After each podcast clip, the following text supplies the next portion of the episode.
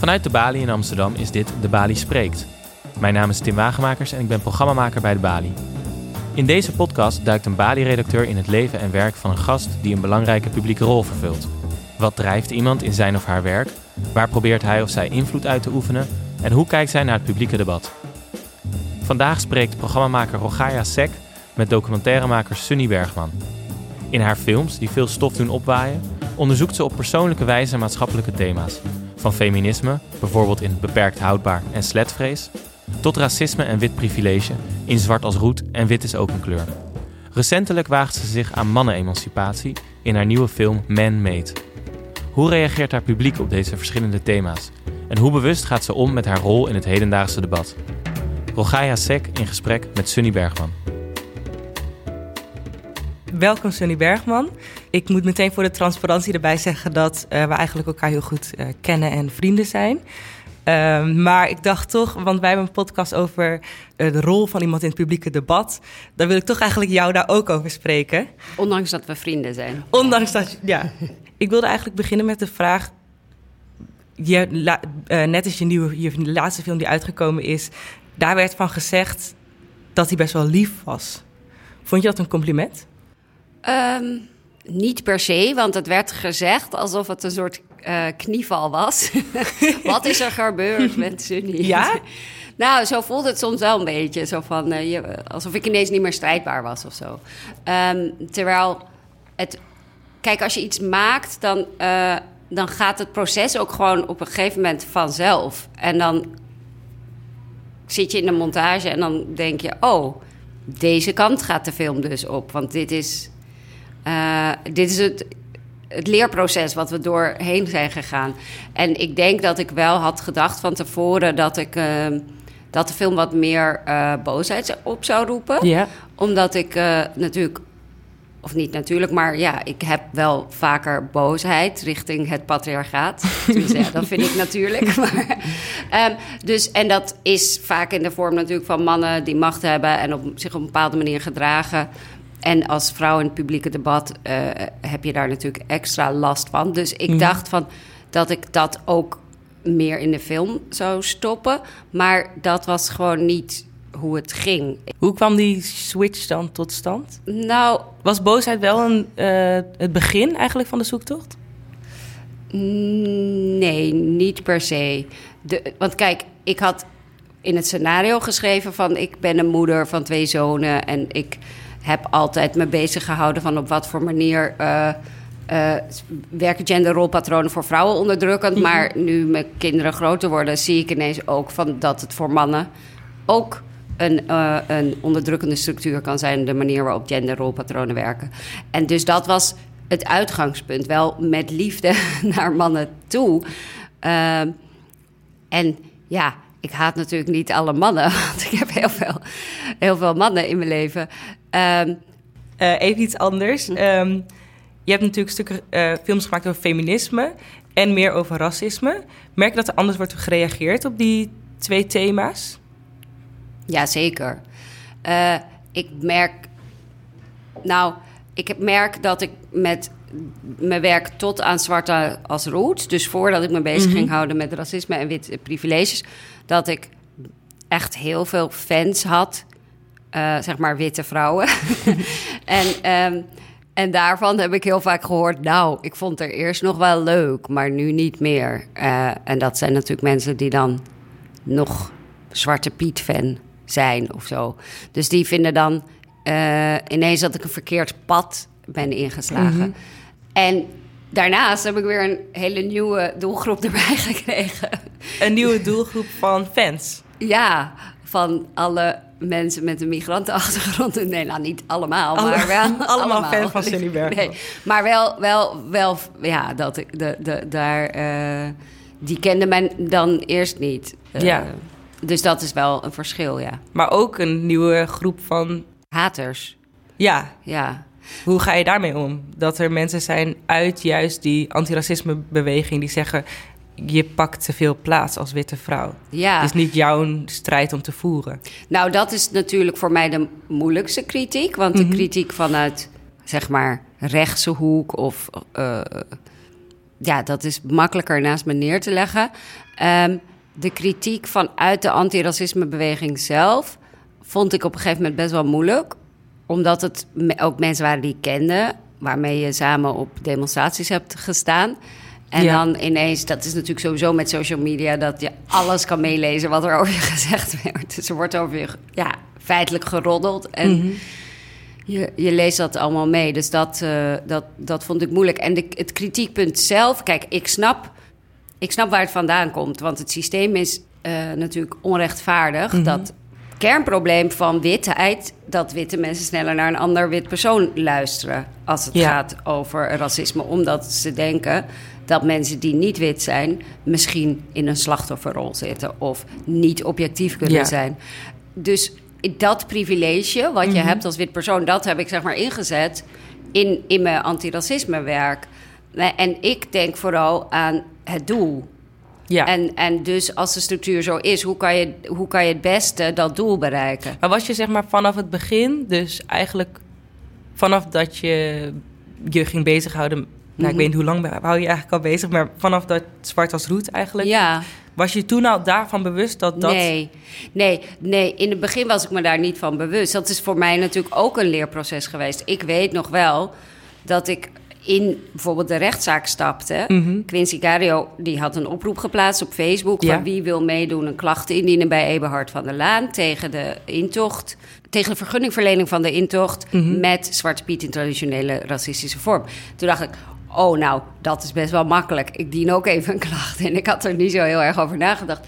Ik was wel gewoon al heel lang bezig met de issue Zwarte Piet. Omdat ik het op mijn school uh, gewoon heel, heel, heel vervelend vond... dat mijn kinderen daarmee geconfronteerd werden. Dat was voor mij een persoonlijke aanleiding om me ermee bezig te gaan houden. En ik had in 2008 al een voorstel geschreven over een film over Zwarte Piet. Maar mhm. toen was ik overspannen geraakt. Uh, mede door de heftige reacties die de film beperkt houdbaar opriep. En toen dacht ik van nou, ik denk niet dat het goed voor mijn mentale gezondheid is om nu een film over Zwarte Piet te maken. Want ik verwachtte wel van oké, dan word je totaal gelyncht, publiekelijk.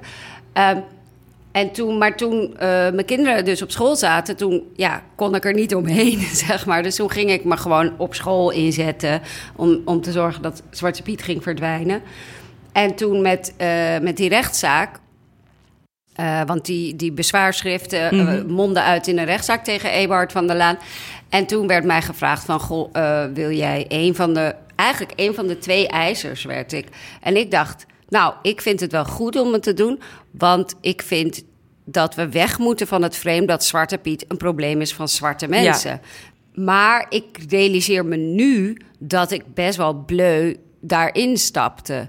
Dat ik me bijvoorbeeld niet bewust was van de hele geschiedenis aan het van het verzet, wat er aan vooraf was gegaan. Ik kan me best voorstellen dat het voor mensen die al 30 jaar daarmee bezig waren, um, frustrerend is dat ik daar zo hooi. ik kom ook even meedoen. En dat ik dan gelijk door Paul word uitgenodigd om, om daarover te praten. Mhm. Dus dat, dat begrijp ik, die onvrede. Tegelijkertijd. Werd het toen ook zo. Werd, nou, dat voelde ik soms wel. Zo van. Komt zij eventjes de show stelen, zeg maar. Voelde je? Want je rolde net even met je ogen. als een soort van. Uh, dat je nadeed van van hoe mensen op je reageren? Was dat wat er gebeurde? Nee, nee. Kijk, over het algemeen uh, want kijk, ik vind het ook wel een beetje jammer dat zeg maar, dit soort fitties of zo uitgemeten worden. Over het algemeen voel ik gewoon heel veel solidariteit. En ik heb met zoveel bijzondere mensen samengewerkt in de antiracismebeweging. En er zijn wat mensen kritisch op mij geweest. Ja, maar het is ook niet dat ik dit onderwerp aansnij om te kijken van met wie heb je ruzie. Maar hoe verhoud je je zeg maar, in, dat, in dat maatschappelijke debat? Nou, waar hoe ik me moment... verhoud is eigenlijk dat ik er gewoon niet zoveel op inga. Want ik vind het in de grotere kwestie niet relevant. Zeg maar, de grotere kwestie is hoe uh, uh, strijden we tegen ongelijkwaardigheid in de samenleving en racisme.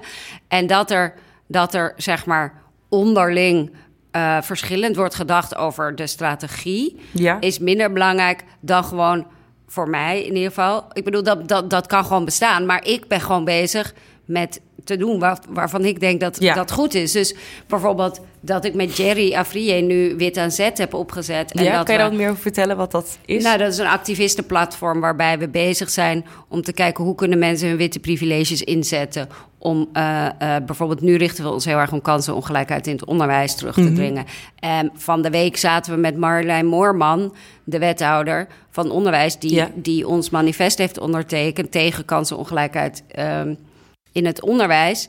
En zitten we met haar te overleggen van, goh, hoe krijgen we de schoolbesturen zover dat ze ook beseffen dat het hun verantwoordelijkheid is. Dus dan zijn we gewoon heel concreet bezig met doelen bereiken. En dat, ja, dat, dat, daar wil ik liever mijn aandacht op, op richten. Ja. En ik begrijp wel, kijk, ik verhoud me er natuurlijk wel over toe en ik eh, eh, begrijp de kritiek enerzijds. En anderzijds denk ik, ik snap niet zo goed dat als er de hele tijd wordt gezegd... witte mensen moeten zich bewust zijn van hun privileges... en hun pri- privileges gebruiken...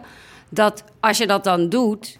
Jij gebruikt je privilege om dit aan te kaarten, Ja, bedoel je? ja, en, en, oh, eh, ja, en activisme is gewoon ook heel veel werk. Dus ik denk van ja, eh, ik ben gewoon blij met iedereen die, die werk wil verrichten. Snap je? Dus, dus En heb je het gevoel dat dat debat, dat dat eh, ons tegenwoordig wat meer tegenwerkt? Want ik, toen ik, ik heb later nog Zwart als Roet eens teruggekeken. En toen zag ik die rechtszaak, die was, voelde zo verbonden, iedereen met elkaar. Alle, ja, alle kopstukken van de strijd, zeg Ja. maar. En nu lijkt het allemaal wat, voor mij wat vers- meer versplinterd. Omdat iedereen kritisch is op hoe andere mensen het activisme eh, wat, een, wat voor anderen een activistische weg is. Ik zie dat toch gewoon niet zo. Nee? Kijk, het is gewoon wel in de opiniestukken en zo. Maar de mensen die gewoon heel druk bezig zijn, die werken gewoon samen. Wij werken samen met Black Archives, met Easy Solutions. Eh, dat zijn eigenlijk de voornaamste partijen. Maar en met KOZP. Dus ja, ik merk niet van... Goh, eh, we zijn de hele tijd met elkaar eh, in, in de clinch of zo. Ja, misschien zit ik gewoon wat meer op Twitter de laatste tijd. Ja, ik zit ook ik niet op zat. Twitter. Dus ik hou me daar minder mee bezig. Je hebt ook nog de andere, een andere groep mensen. Want nu hebben we het de hele tijd gehad eigenlijk over de discussie binnen het, de activistische groep zelf. Ja, Maar de mensen die we mee willen krijgen, Mhm. dat zijn natuurlijk de mensen die zeggen van nou, er is niet echt zoveel, racisme bes- bestaat nee, maar dat niet is ook Nederland. precies de groep waar ik me op richt. Ja. ja, hoe richt je je op die groep? Hoe krijgen we die mensen mee? Nou, mensen die ik doe dat door documentaires te maken en lezingen te geven en workshops en zo. Dus bijvoorbeeld wit is ook een kleur. Die film, die heeft gewoon echt een snaar geraakt. Ik denk dat het voor heel veel mensen een eye-opener was. Gewoon die zogenaamde middenmoot. Mhm. Of meer eigenlijk, denk nog niet eens politieke middenmoot, maar meer links-progressieve middenmoot. Ja, ja. Maar die misschien wel, mensen die misschien wel vinden dat activisten te radicaal zijn. Wat ik zelf een absurd idee vind, want wat is er radicaal aan voor mensenrechten opkomen? Die groep, ja, die, die bereik je wel met een film die je rustig bij de hand neemt. En ja, op ratio en op gevoelslevel, zeg maar, te overtuigen Ja. van de problematiek. En heel vaak vragen mensen aan mij van... Goh, eh, maar die PVV-stemmers, die bereik je toch niet met je films? En dan denk ik, ja, maar dat is ook niet per se mijn doel. Nee? Ehm, nee, want ik zou dat niet is al een verloren zaak. Nou, niet verloren zaak, maar ik, zou, ik weet het gewoon niet zo goed hoe, eerlijk gezegd. Maar ik weet wel hoe ik... Kijk, ik maak gewoon... Eigenlijk verfilm ik vaak, mijn, of ik, als ik schrijf, ik beschrijf mijn eigen zoektocht. Ja. Dus ik wil wel dicht bij mezelf blijven. En dan bij wie het aanslaat, dat is dan mooi meegenomen. Dus ik zit niet als ik iets te maken ben aan te, te denken Nee? aan de doelgroep. Dus blijkbaar is de doelgroep die een beetje op mij lijkt. zeg maar. Dus mensen die, die ja, eh, niet hele rechtse mensen, bijvoorbeeld. Maar, die me- de- maar ik vind dat niet erg, want die mensen die dus de doelgroep zijn van mijn film, die hebben wel vaak posities van macht. Om een voorbeeld te geven, dan word ik door, ik word dan door eh, de film Wit is ook een kleur uitgenodigd voor een bijeenkomst van alle schooldirecteuren van Den Haag. Nou, dan zit ik wel met allemaal mensen die beleid uitvoeren, waar kinderen die te maken hebben met racisme in het onderwijs eh, zeg maar door benadeeld worden. Ja. Dus die, als ik die mensen een beetje kan veranderen, dan, dan ben ik heel blij. En hetzelfde geldt voor met de film Zwart als Roet. Van dat, eh, toen was eh, Lodewijk Asscher nog minister, dat hij mij een appje stuurde van... Wauw. eh, oh, ik ben van gedachten veranderd of zo, Ja. weet je wel? Dus dat soort dingen, denk ik van ja, dat he- heeft gewoon effect. En dat, ik weet niet zo goed hoe, wat ik anders Ja. moet doen. Wat ik wel interessant vind is dat heel veel mensen, nou niet heel veel mensen, er is een groep mensen die heeft een soort van allergie voor jou. Mhm. En ik vraag mezelf heel erg af waarom. Want, ik, want dan vinden ze, ze vinden jou dan heel ha- hard of zo. En eh, dat je dat. Ik, in ieder geval, wat, wat je vaak hoort is van... dan we mogen niks meer zeggen Mhm. van die mensen zoals Sunny Bergman. Mhm. Ja. Eh, wat vind jij daarvan, van nou ja, dat eh, ik vind het- sentiment? ik vind het sowieso heel grappig dat mensen mij, eh, of grappig, interessant dat mensen mij heel radicaal vinden, of, of, of eh, te rechtlijnig of stellig, of, of, of, of dat ik voor censuur zou zijn of zo. Ja, Omdat ik me, ja, nou daar hebben we volgens mij wel eens een discussie over gehad. Ik vind mezelf natuurlijk genuanceerd. ja, Of niet natuurlijk, ja. Ik vind mezelf best wel genuanceerd. In de zin van dat ik heus wel probeer de verschillende kanten in te leven en zo. Ik denk ook dat ik minder genuanceerd ben misschien als ik schrijf. Want dan heb je gewoon zoiets van... Je kan, als je schrijft, kan je best wel zo in je eigen overtuigingen, zeg Ja. maar, meegesleept worden. Dus dat is wel wat ik soms terugkrijg. Krijg van, goh, ik vind je het echt veel genuanceerder dan bijvoorbeeld op papier. En in mijn, film, mijn films vinden mensen wel weer altijd genuanceerd. He- Heb ik het idee. Maar als ik bijvoorbeeld ehm, zeg van, nou, eh, de term pisnicht zou ik niet gebruiken, mhm. dan voelen mensen zich aangevallen. Die het we misschien- mogen geen grapjes ja, meer maken. Ja, we mogen geen grapjes meer maken. Je bent humorloos.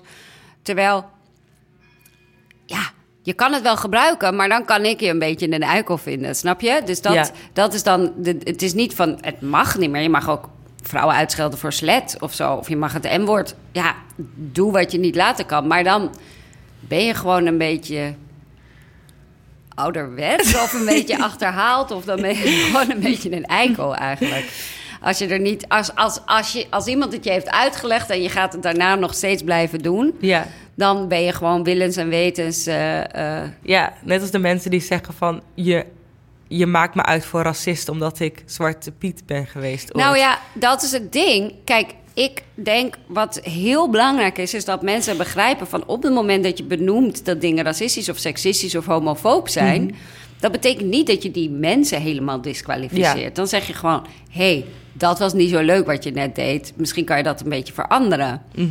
Maar mensen, omdat ze het zo, zo als enorme disqualificaties zien, zeg, ze kunnen het onderscheid vaak niet maken tussen dat je zegt dat is een beetje racistisch of jij bent een vette racist. Ja. Maar ik heb dat letterlijk nog nooit tegen iemand gezegd. Jij bent een racist. Nee. Ja, heel misschien tegen Joost Niemuller of zo. Ehm, dat iemand die ook letterlijk zegt van... het IQ van zwarte mensen is lager of zo. Dus, dus, dus als mensen echt expliciet een racistische ideologie aanhangen... ja, dan kan je ze een racist noemen. Maar als mensen per ongeluk... of niet per ongeluk, maar als... Onbewust. Nou, het is ook niet altijd onbewust, hè. Want mensen zijn zich misschien wel bewust... Ja, maar als je tegen iemand zegt van jij bent een racist... dan klinkt dat alsof het ook niet meer weg kan. Terwijl Ja, eigenlijk is het zou de kern zijn, van je Iets wat je doet identiteit. is racistisch en iedereen die doet wel eens Ja, iets dat is het ding. is. We zijn allemaal. Ik heb ook nog steeds dat ik mezelf soms betrap op een soort racistisch idee. Wanneer is de laatste keer dat je jezelf betrapt op iets racistisch? Oké, dan moet ik even goed nadenken. Dit is niet misschien niet. Nee, dit is niet precies per se racistisch. Maar dit was iets wat gebeurde met een vriendin van mij, Ama. En ik had het met haar erover. Dat ik soms mezelf betrap op dat als ik ergens ben in een hele witte omgeving. en ik ben Ja. met een vriend of vriendin die zwart is. dat ik dan hun ga ophemelen ten opzichte van die witte mensen. Snap je wat ik bedoel? Ja. Zo van, ja, maar zij is wel echt super vette, bla bla bla. Eh, ze Scenario schrijver. ja, of zij reist over de hele wereld om lezingen te geven over duurzaamheid, hoor. Maar omdat je dan eigenlijk inspeelt op dat zij die mensen misschien een beetje minzaam doen... of laag, niet per se hoge verwachtingen. Is en dat nadat, maar doe je dat ook bij je witte vrienden? denk ik niet. Dus dan is het toch een verschil. Dus daar zat ik laatst over na te denken van waarom doe ik dat en wat zit daarachter? En zei Ama dat tegen je of had je dat zelf? Nee, nee, nee. Ik zat eh, hetzelfde be- bedenken. Ook naar aanleiding van omdat ik op een feestje was met Jerry. Mhm. eh, wat helemaal wit was. En dat mensen de hele tijd gingen zeggen: waar kom je vandaan? Nee, maar waar kom je echt vandaan? En dat, of dat hij de DJ was en zo. Dus dan voel ik van: God, deze mensen zijn echt in een bubbel waar ze nooit zwarte mensen tegenkomen. En als ze ze tegenkomen, dan zien ze die toch niet als gelijkwaardige. En dan Ja. word ik gewoon een soort van boos. En dan wil ik dat ze weten dat ze heel veel respect voor hem moeten hebben. Ja. Dus het is niet per se misschien racistisch, maar nou ja, gewoon al. ehm, Oké, oké, Het iets anders wel wat wel racistisch zijn. racistisch Ja, is. Eh, misschien, maar nee, maar heeft misschien ook meer met opleidingsniveau. Ik was, ik ging een vriend van ons of een kennis meer, die ging ik zeggen van misschien moet je zo en zo niet opvoeden, maar moet je het zo en zo doen Een zwarte kennis. ja, laag opgeleid. Ehm, iemand die ook niet per se heel perfect Nederlands praat. En, ehm, Wat was je kritiek? oh, dat weet ik niet meer. Maar het ging over iets met opvoeden. En toen later dacht ik, hmm, dat zou ik niet zo snel hebben gedaan tegen iemand die hoger opgeleid is. En eh, zeg maar. Ja. Maar vooral, het is meer laag opgeleid, hoog opgeleid. Want misschien zou ik het ook niet gedaan hebben tegen een vriendin die. Dus dat, dat soort dingetjes, van dat is wel goed om te onderzoeken. Van, Ja. goh, waarom doe je dat? Wat zit erachter? Welk... Ik wil gewoon niet... Ik weet dat ik mezelf soms misschien ja, op een hoger dinges kan voelen of zo. En dat wil ik Op dan een hoger onderzoeken. dinges kan voelen? Nou, eh, dat ik denk, nou, ik weet het beter. Oh, zo. ja. Ja, nee, ik heb dat zelf ook heel vaak. Dat ik heel erg nadenk inderdaad waarom ik dingen doe. Laatst nog had ik een mail naar iemand gestuurd van... eh, omdat ik iemand wilde uitnodigen voor een film die ging over eh, ouderschap van Mhm. tweelingen. Nou ja, Ja. daar ging het niet per se over. Maar ik wilde ouders van tweelingen uitnodigen. En toen stuurde, stuurde ik een mail... Jij en andere moeders zijn eh, van harte welkom. En toen dacht ik, hè? Waarom heb ik geen vaders Ja, wat erg. Dat, Ja. Ik dacht dat ik eh, geëmancipeerd was. Maar ehm, ik heb soms... Heb je het gevoel dat... Oké, wij doen dat. Maar heb je het gevoel dat, dat, dat de rest van Nederland dat ook doet? Of dat het nog daar een beetje aan... Oké, ik ben Nou ja, ik heel denk- erg kant op aan het sturen. Nou, ik, ik denk wel, ik kom wel veel jonge mensen tegen die veel meer zo toch met dit debat zijn opgegroeid. Ja? Kijk, je kan twee kanten op. Je kan denken, ik mag niks meer zeggen en eh, zeg maar Forum voor Democratie gaan stemmen, omdat je je als witte man eh, eh, of naar Jordan Peterson gaan luisteren en dan Mhm. denken van wij zijn nu de pineut. Ja? Of je kan zelfonderzoek gaan plegen. Ja. En ik kom wel heel veel mensen tegen bij wie dat tweede aan de hand is. Mhm. Dus dat vind ik een hele positieve ontwikkeling. Dus, dus ik denk wel. Bijvoorbeeld de buurjongen, Dionys, die, die in de documentaire Manmade zit, die best Ja. wel in een korp, eh, eh, in zo'n nou ja, studentenvereniging-achtig stu ja, eh, sfeer zit. Toch heb ik met hem hele. Toch? Mijn vooroordeel tegen studentenverenigingen. Maar ik heb met hem hele discussies dat ik denk: Goh, jij bent wel al meer hierover na, aan nadenken. Misschien dan ik was toen ik 21 was. ja, laat staan de persoon van 21 in Die jouw al- tijd die bij, toen bij een studentenvereniging zat. Precies. Nee. Dus laat staan. Dus, dus, en hij zit inderdaad, ja, niet in een. eh, studeert geen antropologie. Ja, en een zit, vriend van hem die toen zo in de film zo verzuchtte... Ah, dit is echt te links voor mij. Ja, ja, ja. Ehm, wat is je volgende film? Wat gaat waar ben Nou, je mee bezig? Ik moet een, eh, of ik moet, ik wil een boek afmaken waar ik al mee begonnen ben. Dus daar eh, eh, ben ik Waarover? Ehm, nou, dat is een familiegeschiedenis. Mijn vader is. Het is een beetje moeilijk om het heel kort te zeggen, maar goed. Mijn vader is geboren uit een verkrachting in de oorlog. En degene die mijn oma heeft verkracht was een nazi. Dus het gaat over dat mijn opa een nazi is en Hmm. hoe dat doorwerkt in, in het heden. Eh, dus dat is een persoonlijk onderzoek. Ehm, ja, daarnaast ben ik bezig met nieuwe filmprojecten opzetten. En ik denk wel dat ik. eh, nou, ik ben enerzijds geïnteresseerd in, in het idee van climate justice, dus dat klimaatverandering en ehm, de effecten daarvan op de derde wereld. Ja. Ehm, eh, en de samenhang met vluchtelingenproblematiek, dat ben ik aan het onderzoeken. Daarnaast wil ik, ben ik bezig met mijn rol als activist en het idee dat je als activist radicaal bent, terwijl ik het idee heb dat extreem rechts steeds meer mainstream wordt. Uh, dus, oh, zo ja. ja. Dus dat, uh, dat, dat zijn onderwerpen waar ik mee bezig ben. Oké, okay. nou ik kijk er al naar uit. Dankjewel, Cindy. Oké. Okay.